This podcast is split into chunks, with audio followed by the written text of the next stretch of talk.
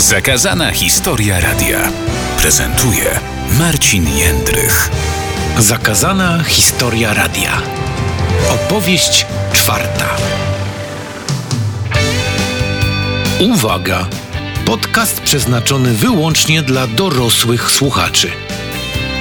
Tak, kochani, to jest bardzo ważna uwaga, bo dzisiejszy podcast zatytułowany Kogut no właśnie przeznaczony jest tylko dla tych, którzy są już na tyle rozsądni i poważni, że nie będą próbowali naśladować tego, co zrobiliśmy my y, przed y, no, prawie 25 laty. To na pewno było bardzo szalone, bardzo nieodpowiedzialne, no ale też trzeba pamiętać, że byliśmy młodzi i świat też był nieco inny.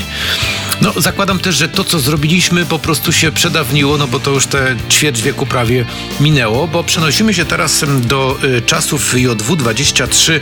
Myślę, że to było na przełomie 1996 i 97 roku, a zatem, no, nieskromnie mówiąc, szczyt popularności tego programu, czyli o 8 wieczorem spotykaliśmy się ze słuchaczami, którzy czekali na nasze czasem bardzo niecodzienne wygłupy. Mam na myśli tutaj nas, czyli ekipę JW23 23, począwszy od mojego przyjaciela Marcina Wrony, poprzez e, Amfiego, Grzesia Wójcika, Monterka, oczywiście Ono, jeszcze wiele innych osób, które miały przyjemność i chyba także Friday współpracować przy tym e, programie.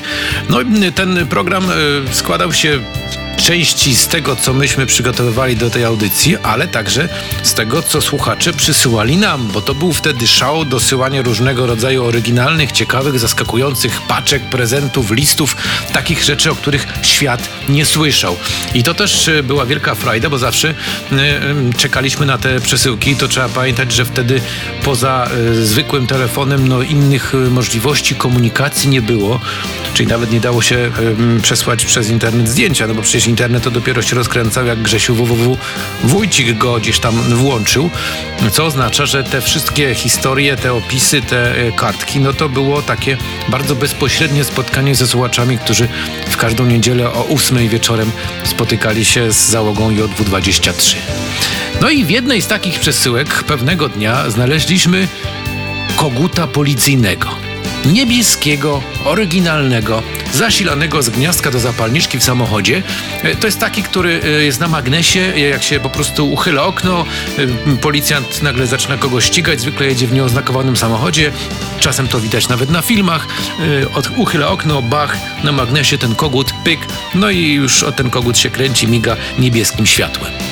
No i oczywiście tradycją naszego programu było rozpakowywanie i opowiedzenie oraz zademonstrowanie, co dostaliśmy, no ale ten kogut nie działał w warunkach radiowych, no bo po pierwsze trzeba było mieć 12 V, mm, a to tylko w samochodach, a po drugie, no cóż można mówić o mm, kogucie, który właściwie poza tym, że miga, to nic więcej z siebie nie wydobywa. Tam taki może jakiś delikatny szum mm, wynikający z kręcenia się e, tej, tej maszynki do migania w środku. W związku z tym e, postanowiliśmy że przetestujemy tego koguta w warunkach takich, jakich został stworzony, czyli w samochodzie. Program się kończył o północy, a więc zagraliśmy cały zestaw niezbędników na koniec, y, słynną y, dziewczynę stuprocentową i potem y, pożegnaliśmy się ze słuchaczami i wsiedliśmy do samochodu. Wracaliśmy y, ulicami Krakowa. Y, to była moja czarna Corsa, czarny Opel Corsa. Małe autko, zgrabne, fajne, a y, skład w tym samochodzie wyglądał tak. Marcin Wrona siedział z przodu, z tyłu był Amfi oraz Grzesiu Wójcik, a więc jak na takie małe auto, no to było dość pełno. No i zjeżdżaliśmy z kopca Kościuszki, tak jak zawsze, i dojechaliśmy y, do centrum miasta ulicą Kościuszki. Jak ktoś mieszka w Krakowie albo bywał, to kojarzy, to jest taka długa ulica ciągnąca się od Salwatora aż do skrzyżowania z Mostem Demnickim. Na skrzyżowaniu tym właściwie na rogu stoi taki wielki dom handlowy Jubilat. Naszym celem było właśnie dojechanie do tego jubilata, potem przekroczenie Alei Trzech Wieszczów połączonych z Mostem Demnickim i pojechanie w stronę ulicy Zwierzynieckiej. No i trzeba pamiętać, że to skrzyżowanie pod jubilatem, tam zawsze są światła i nawet o północy czy po północy, bo przecież też nie jechaliśmy tam minutę po północy, tylko kilkanaście minut na pewno, bo zanim wyszliśmy to to chwilę trwa. E, tam nawet w nocy jest ruch, tam po prostu jest to taka przelotowa trasa przez Kraków, co oznacza, że zawsze tam samochody jadą i zawsze ktoś tam się e, pojawi na, na tych ulicach, zwłaszcza, że to szeroka, duża ulica. Mniej więcej 200 metrów przed tym skrzyżowaniem e, Marcin Wrona włączył tego koguta i takiego migającego przykleił na dachu mojej czarnej korsy. Przed nami było czerwone światło i auto stojące tuż e, przed nami, nagle widząc w lusterku migającego niebieskiego koguta, po prostu się usunęło na prawą stronę, żeby nam zrobić przejazd. Ale co było jeszcze bardziej szokujące, te samochody, które miały zielone światło na Alejach Trzech Wieszczów od mostu Dębnickiego i od, e, od, od, centrum miasta, też zaczęły się zatrzymywać, no bo zobaczyły niebieskiego koguta na, na samochodzie, który wolniutko wprawdzie, ale przejeżdżał przez skrzyżowanie. I tak też się stało. Wszyscy się zatrzymali, wstrzymał się ruch, a nasza e, cudowna załoga JW-23 z migającym niebieskim kogutem na czarnej korsie przejechała przez całe skrzyżowanie, e, dojeżdżając mniej więcej do, do miejsca, w którym ulica Zwierzyniecka łączy się z ulicą Retoryka.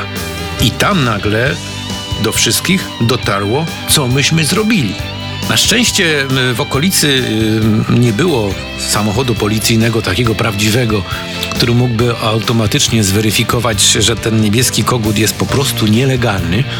Więc zatrzymaliśmy się e, no, gdzieś tam przy chodniku.